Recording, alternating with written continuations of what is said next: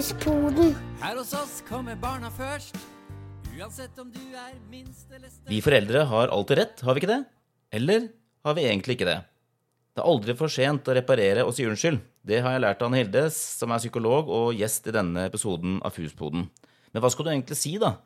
Dette er andre del av praten med Anne Hilde, så hvis du ikke har hørt den forrige episoden, så gå tilbake og hør den først. Kjapp oppsummering fra første episode. Vi snakket om superkraften som finnes i alle foreldre, og hvordan du kan få den tilbake når du føler at den er borte eller ikke fins i det. Vi lærte at det er større sjanse for at barnet hører på deg hvis du validerer barnets følelser først. Jeg fikk også noen nyttige tips om grensesetting, f.eks. med iPad. Men nå får du høre om den siste av de tre foreldreferdighetene Anne Hilde lærer oss om, nemlig kunsten å si unnskyld.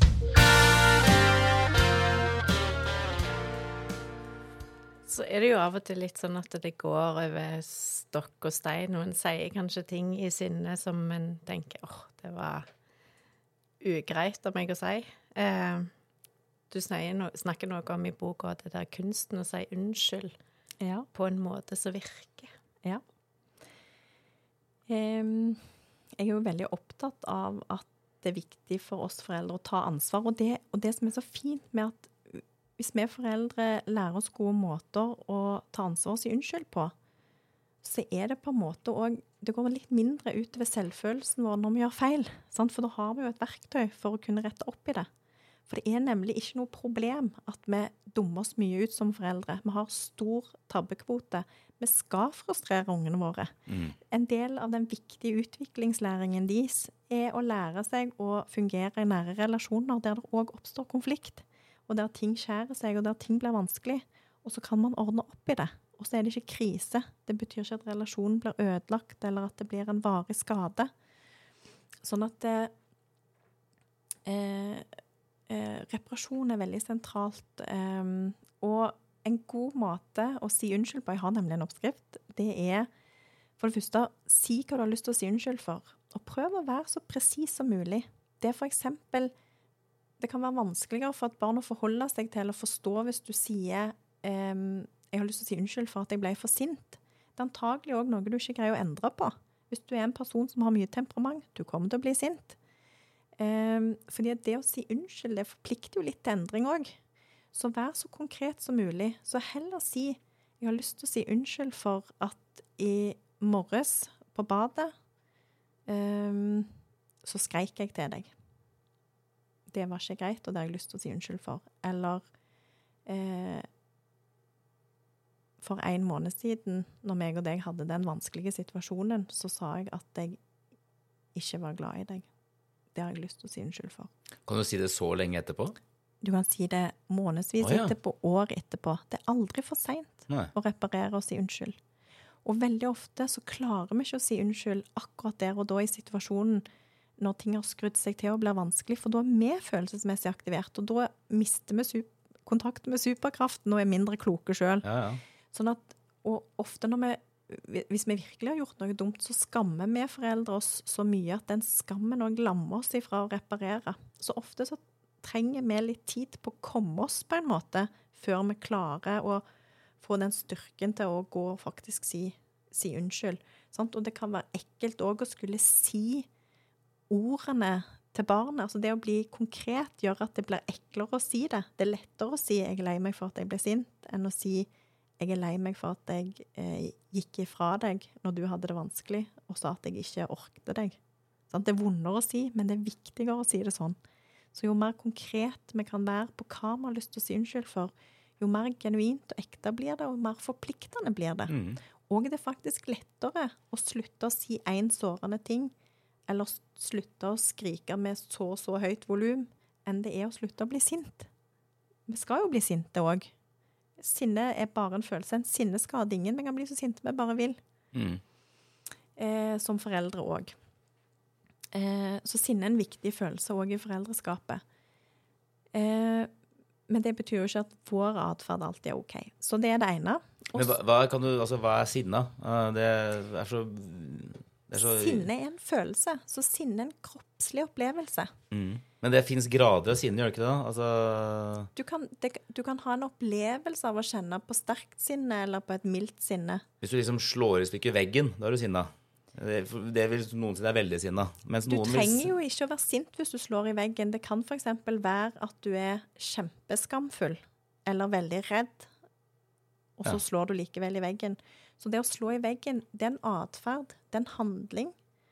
Men så har sinnet litt sånn, en følelse som har fått et litt dårlig rykte, fordi at vi ofte assosierer sinne med aggresjon og Ja, og handlinger og og- skriking og hoiing. Sånn. Men, men veldig ofte så eh, Jeg skriver om det i boken òg, at vi har Veldig ofte så er det akkurat som det er en følelse som det vi egentlig kjenner på, så er det noen ganger at det legger seg en annen følelse over og beskytter både oss og omgivelsene mot det vi egentlig føler. Så ganske ofte når vi foreldre òg er sinte, så er vi egentlig veldig bekymra for noe, eller eh, redd for noe, eller eh, lei oss, eller at vi føler oss litt sånn ubrukelige og kjenner egentlig på skam. Eh, og sånn er det jo for ungene òg. At veldig ofte når ungene er avvisende, rasende eller anklagende rasende, så er det ofte at det er en annen sårbar, vond følelse som ligger under sinnet. Så det er ikke et likhetstegn mellom handlingene, som f.eks. å slå i veggen, og følelsen. Så følelsen er bare en aktivering i kroppen. Og akkurat sinne er en følelse som ofte gir oss mye kraft, og som gjør at vi gjør oss litt sånn store, at det er som om kroppen blir litt stor, at det kan kjennes varmt ut, og um, den mobiliserer på en måte mye krefter. Eh, men det går an å være sint og bruke sinne på en god og sunn og sjølhevdende måte i grensesettingen òg overfor ungene. Fortell. Hvordan da? Eh, dette liker jeg ikke at du gjør. Mm. Du må slutte. Ja, Er du sint da? Ja. Det, du, veldig ofte så klar, altså, Sinne er hjelpemotoren. du, du, du klarer det uten å heve stemmen? Om, men om du på en måte har litt kraft i det, og at det òg skinner gjennom at du er sint, så trenger ikke det å, å, å gjøre noe. Mm. Um, det som er et problem, det er jo hvis vi uh, roper så høyt at vi skremmer ungene, f.eks. Ja. Eller uh, hvis vi sier sårende ting, eller drar de hardt i armen så de får vondt. Mm. Sant? Men, men det å, å bli sint og gi beskjed om ting vi ikke syns er greit, er helt OK Mm. å gjøre for unger. Mm. Nå sporer vi litt av i forhold til Ja. dette Nei, vi måtte bare med definere, for det, jeg, tror, jeg tror ja. det er veldig mange som Hva er sinna? Altså, Ja. er, det, er det på A eller på, på Å? Ja. Det er ganske Ja. langt spenn der, tror jeg, på hva, hva, Ja. hva, hvordan man definerer sinna. Mm. Og det er jo en viktig ting som barn òg skal lære det. Altså, ja, du er Ja. sint, men hvordan er det passende å uttrykke det sinnet? Ja. Ja. Du kan si 'Å, jeg er så sint', sant? Mm. Og så kan en få ut det med Altså, ja. Så det blir jo sånn for oss som enten vi jobber i barnehage eller er foreldre, at vi er gode rollemodeller for hvordan en kan vise at en er sint. Mm. En skal ikke slutte å være sint, men en kan vise det på en måte som er OK både for seg sjøl og andre. Og sinne er jo Vi vil jo at ungene våre skal være gode på å være sinte. Vi vil at de skal ha et godt forhold til sinne. Vi har lyst til at de trenger det sinnet de er avhengig av når de sier 'stopp, dette liker jeg ikke'. Mm. Ikke snakk til meg sånn. Ikke mobb kameraten min. Da er det på en måte sinnet som er aktivert. Sånn at hvis de har et dårlig forhold til sinne, så blir det vanskeligere å sjølhevde og sette grenser for seg sjøl og vennene sine og andre. Gre- Eh, Greta Thunberg var jo litt sinna altså, i talen sin. ja, ja, Men det var jo gjort på en måte som, som ble hørt, i hvert fall. Ja. Mm. Um, og så er det òg kan det være ganske vanskelig for barn som er, har mye temperament og er ofte sinte, hvis de opplever at det er en følelse som ikke er lov å ha, og at den ikke er gyldig. Mm. Eh, fordi da kan de over tid begynne å føle at, at de er slemme, eller at det er noe i veien med meg, eller jeg greier ikke helt å være sånn som jeg burde være. Eh, og det kan bli veldig uheldig for utviklingen eh, til barn med kraftig temperament. Men jeg har jo en han fire, fem og halvtåringen, da, femåringen snart. Han, han, øh, han kan jo bli sinna, han òg, da. Han er ikke så mye sinna. Han er veldig greit sånn sett, men noen ganger så blir han sinna. Ja. Og, og da blir han ordentlig sinna, altså. Ja. Da, da fyrer han, som det heter. Og da, da hater han meg. Ja. Ja, og det sier han rett ut også. Eh, Jeg hater deg, sier han. Og så vet jeg ikke helt hva han Jeg tror ikke han helt vet hva det betyr. Og så vet jeg ikke helt hvordan jeg skal håndtere det. Nei. Jeg svare? Altså, jeg vet ikke helt hva jeg skal svare. Jeg begynner å lage en historie som jeg skjønner selv ikke det, Dette passer seg ikke. Eh, Det blir for mye følelser, og det blir for mye eh, Ja, det blir, det blir bortforklaringer. Men, men hvordan skal man håndtere det når, når barna hater det? For det første så er jo det utrolig vondt å høre. Så vi foreldre blir jo følelsesmessig aktivert hvis ungene sier sånne ting til oss. Um, og det som er ofte ryggmargsrefleksen til mange foreldre da, det er å enten si noe sånn som at eh, sånn snakker du ikke til meg, sånn har du ikke lov å si, det der er veldig stygt.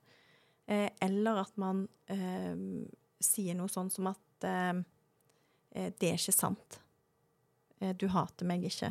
Ja, det pleier jeg å si, faktisk. Um, så det er det liksom ryggmargsrefleksen Mm. vår kanskje typisk vil at vi skal si. Ja. For vi har ikke lyst til at det skal være sant. Mm. Og har, det er veldig, veldig ubehagelig at de sier det. Så den beste måten å møte det på, det er med å validere og prøve å gyldiggjøre den følelsen som vi som foreldre tipper at kommer sammen med det utsagnet. Igjen, altså. Igjen. Mm. Så det å kunne si noe sånn som at eh, Vet du hva, det er ikke så rart at du er sint på meg akkurat nå. Fordi du hadde lyst til å gjøre dette, og så fikk du ikke lov. Ja, det er, derfor, det er da de kommer. Ja. Og da blir du sint, for du vil helst bestemme sjøl. Mm. Og så er det så kjipt når jeg bestemmer noe annet enn det du vil. Det kan bare være for at han ikke får låne eller se på mer iPad før han skal sove, f.eks. Ja, Mm. sant? Og da kan det òg være å si eh, Ja, jeg tror jeg ville gått mest for følelsen. Altså. Ikke, Mm. så, ikke rart at du blir sint fordi Istedenfor å på en måte henge meg for mye opp i, i utsagnet, i selve ordene. sant? Jeg skal ikke si sånn 'Jeg skjønner veldig godt at du hater meg'. Faktisk så er ikke det det dummeste å si heller, Nei, men, det er du, men du må slenge på fordi. Ja. sant? Fordi så du ikke får se på iPad? Ja. Ja. det går an å si Det er ikke så rart at det kjennes ut som du hater meg akkurat nå, fordi du får ikke se på iPad, og du har Mm. lyst til å se på iPad. Men jeg, ja, er jeg litt sånn redd for å lære han å bruke det begrepet, altså. Men uh... Men da kan du eventuelt slenge på, alt etter hvordan du kjenner gutten din, mm. at hvis du er i et rolig modus der du på en måte har den inntoningen at Og så vet jeg jo at når det, kjen, når, du kjen, når det kjennes ut som at du hater meg, da er du skikkelig sint. Da er du veldig misfornøyd med noe.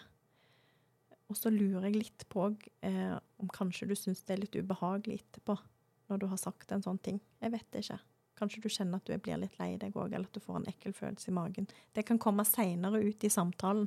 At du på en måte kan gjette på at For det er ganske stor sannsynlighet for at barnet ditt på et eller annet vis ikke syns det er så kjekt å si det.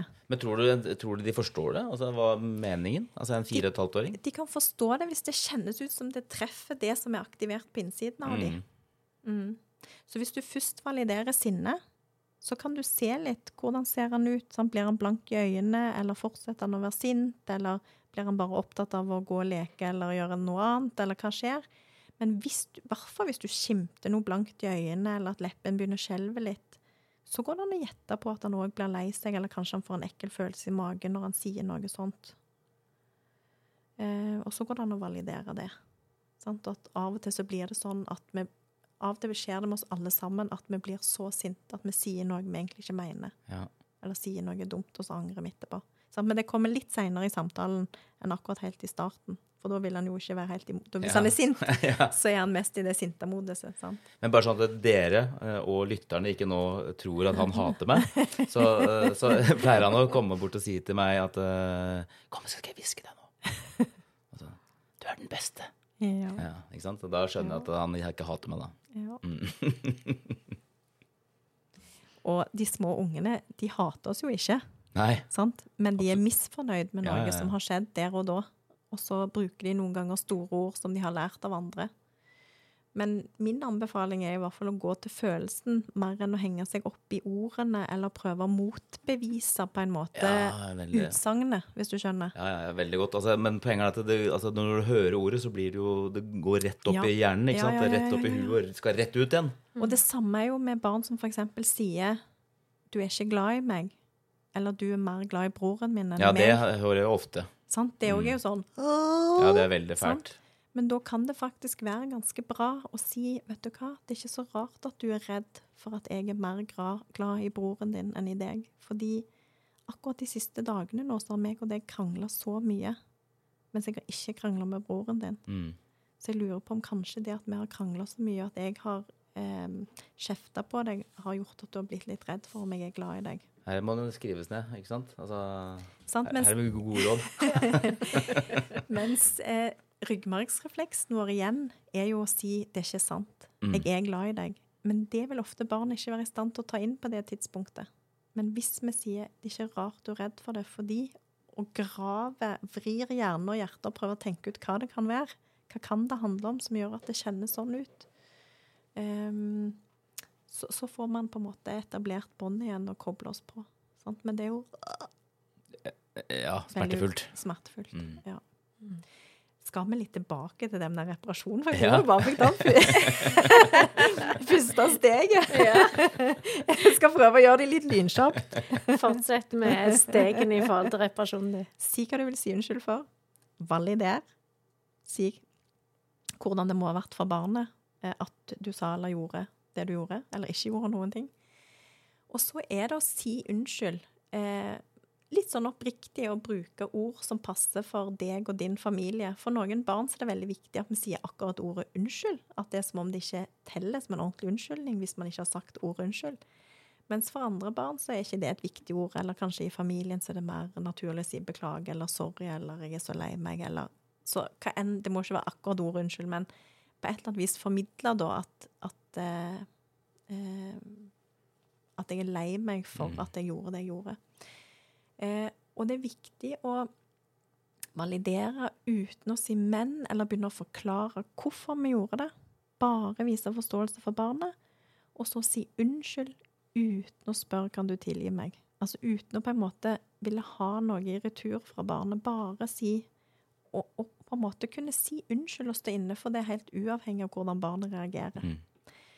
Eh, og så er det eh, viktig, i en, hvert fall hvis det er litt sånne eh, alvorlige episoder som man trenger å gjøre en ordentlig god reparasjon, så si hva kunne jeg ha gjort annerledes, og hva skal jeg gjøre annerledes framover.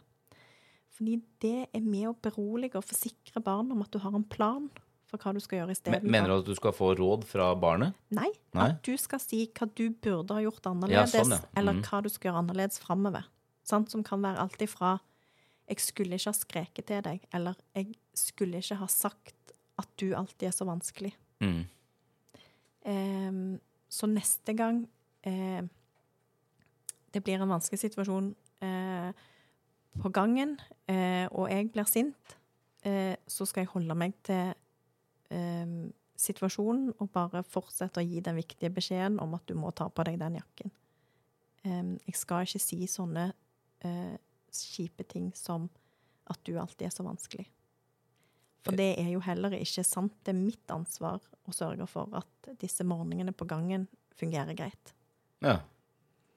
Så det er på en måte den der eh, Og her er det jo viktig at man òg har da tenkt å prøve å få til den endringen som man foreslår. Mm. Sant? Så det forplikter jo å si unnskyld. Du kan ikke bare si unnskyld og gjøre akkurat det samme om igjen og om igjen om igjen.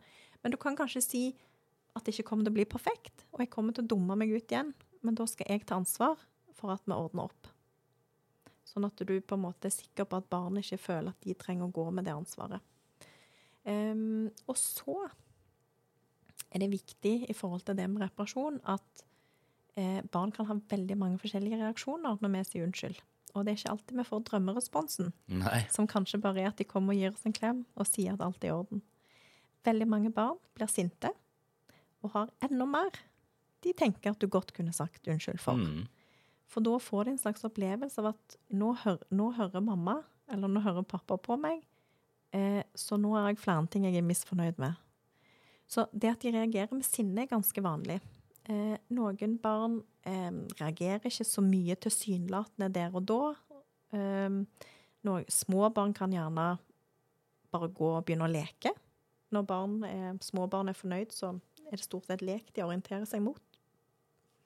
Så barn kan ha litt forskjellige reaksjoner. Og det som kan være viktig som forelder å på en måte vite om og huske på, det er at, eh, at det kan komme òg negative reaksjoner, og at at det kan òg gjøre oss mer forberedt på det, sånn at vi klarer å stå i at vi ikke plutselig går vekk fra hele reparasjonen og blir, sin Ja. sinte på de sånn tilbake. Men at, men at vi da husker at vi kan alltid bare, uansett hva respons som kommer fra barnet, så kan jeg validere følelsen og den responsen, og så kan jeg gjenta noe av det som er viktig i reparasjonen. Um, og noen barn kan òg bli litt sånn opptatt av at de skal ta vare på oss og bare si nei, de gjorde ingenting. De gjorde ingenting, ikke tenk på det. Og med barn som har en tendens til å gjøre det, dette er typisk barn som er veldig empatiske og omsorgsfulle, og tenker mye på hvordan andre har det, så kan det være viktig å holde på og si men vet du hva, det var faktisk ikke greit. Og så gjenta reparasjonen en gang til. Ikke la de på en måte få lov å komme inn og redde deg, og at det er de som ender opp med å gi omsorg for deg, men at du holder fast i ansvaret. Um, ja. Mm. Og avslutningsvis, eh, Anne Hilde, så refererer du jo i boka til Winnicott i forhold til det å være god nok, og gi god nok omsorg. ja. Hva, hva legger du i det å være god nok? Altså, å være god nok betyr at vi um, Altså, de aller fleste foreldre er gode nok, bare akkurat sånn som de er. Og ungene våre, de har lyst til å ha akkurat oss som foreldre. De har ikke lyst til å bytte oss ut. Noen Det- ganger så skjønner jeg ikke det. Kanskje de liksom av og til kunne ønske at eh, mor var litt snillere, eller far var litt sånn eller sånn, sant? men de vil ha akkurat oss. Um, så stort sett så kan foreldre bare gjøre det som kjennes naturlig ut, og så er det godt nok. Og så er det jo noen ganger at, kan, at barn kan komme i en eller annen situasjon der det kreves litt mer spesialiserte foreldreferdigheter. Sant? Der det oppstår vanskelige situasjoner eller vansker hos barnet, der en trenger litt mer. Og der foreldre trenger å jobbe mer bevisst rundt foreldrerollen. Eller hvis det er liksom, konflikter som varer over lang tid, og det blir et problem for familien, og man har det ikke så hyggelig med de konfliktene, så må man òg kanskje liksom skru opp eh, bevisstheten litt rundt de situasjonene. Men vi skal altså ikke Det er ikke sånn at vi skal møte ungene våre sine emosjonelle behov hele veien. Vi skal på en måte Vi trenger å ta vare på oss sjøl, ta vare på våre egne behov, og vi skal frustrere ungene våre. Vi skal bomme på masse greier. Vi skal overse viktige behov. Vi skal em, eh, ja, frustrere dem på ulike måter. Det er en helt naturlig del av sånt spillet mellom foreldre og barn. Og det er forskning som òg viser at foreldre som gjør ganske mye bommerter og ganske mye feil, men reparerer av og til, de får mer velutvikla unger enn de foreldrene som hele veien er, er på pletten og møter barnets behov. Um, sånn at det er viktig for eh, utviklingen til ungene at vi frustrerer. Det hørtes litt godt ut for meg, akkurat det der, altså. Senke skuldrene bare litt og bare Ja. Uten at det skal bli noe hvilepute, altså. Men eh, det er greit å vite at man er god nok av og til òg. Ja, sant. Og det er liksom eh, Utgangspunktet er at man er god nok. Og så er det jo sjøl når en kjenner at oi, det, nå er det liksom noe som har vart litt over tid som ikke er helt bra her, enten i familien eller i relasjonen mellom meg og et av barna, eller ungene står i et eller annet vanskelig på skolen, eksempel, eller i barnehagen, og en mobbesak, eller sånne ting, sant? så må en kanskje eh, ja, øke bevissthetsnivået litt og jobbe litt mer aktivt eh, i forskjellige perioder da, av foreldreskapet. Mhm. Takk for eh, kloke ord fra deg, Anne Hilde, og masse, masse gode eksempler. Jeg regner med du, jeg ser du har notert flittig. Ja, ja, ja. ja. Jeg har lært alt om eh, validering, og at det er lov å si unnskyld også eh, hvis det har gått mer enn to dager.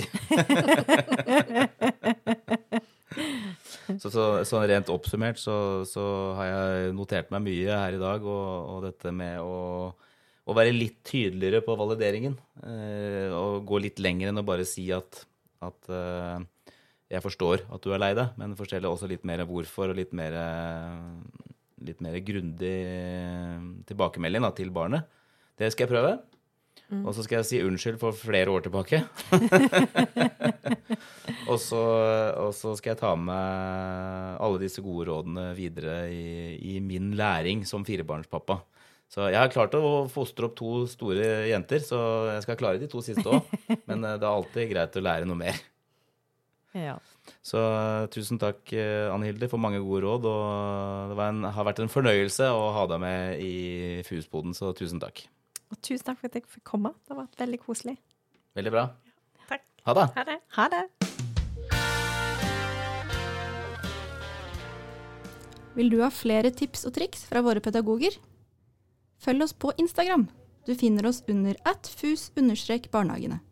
Der får du hverdagsmagi, foreldretips og andre viktige temaer innen barns oppvekst. Vi høres!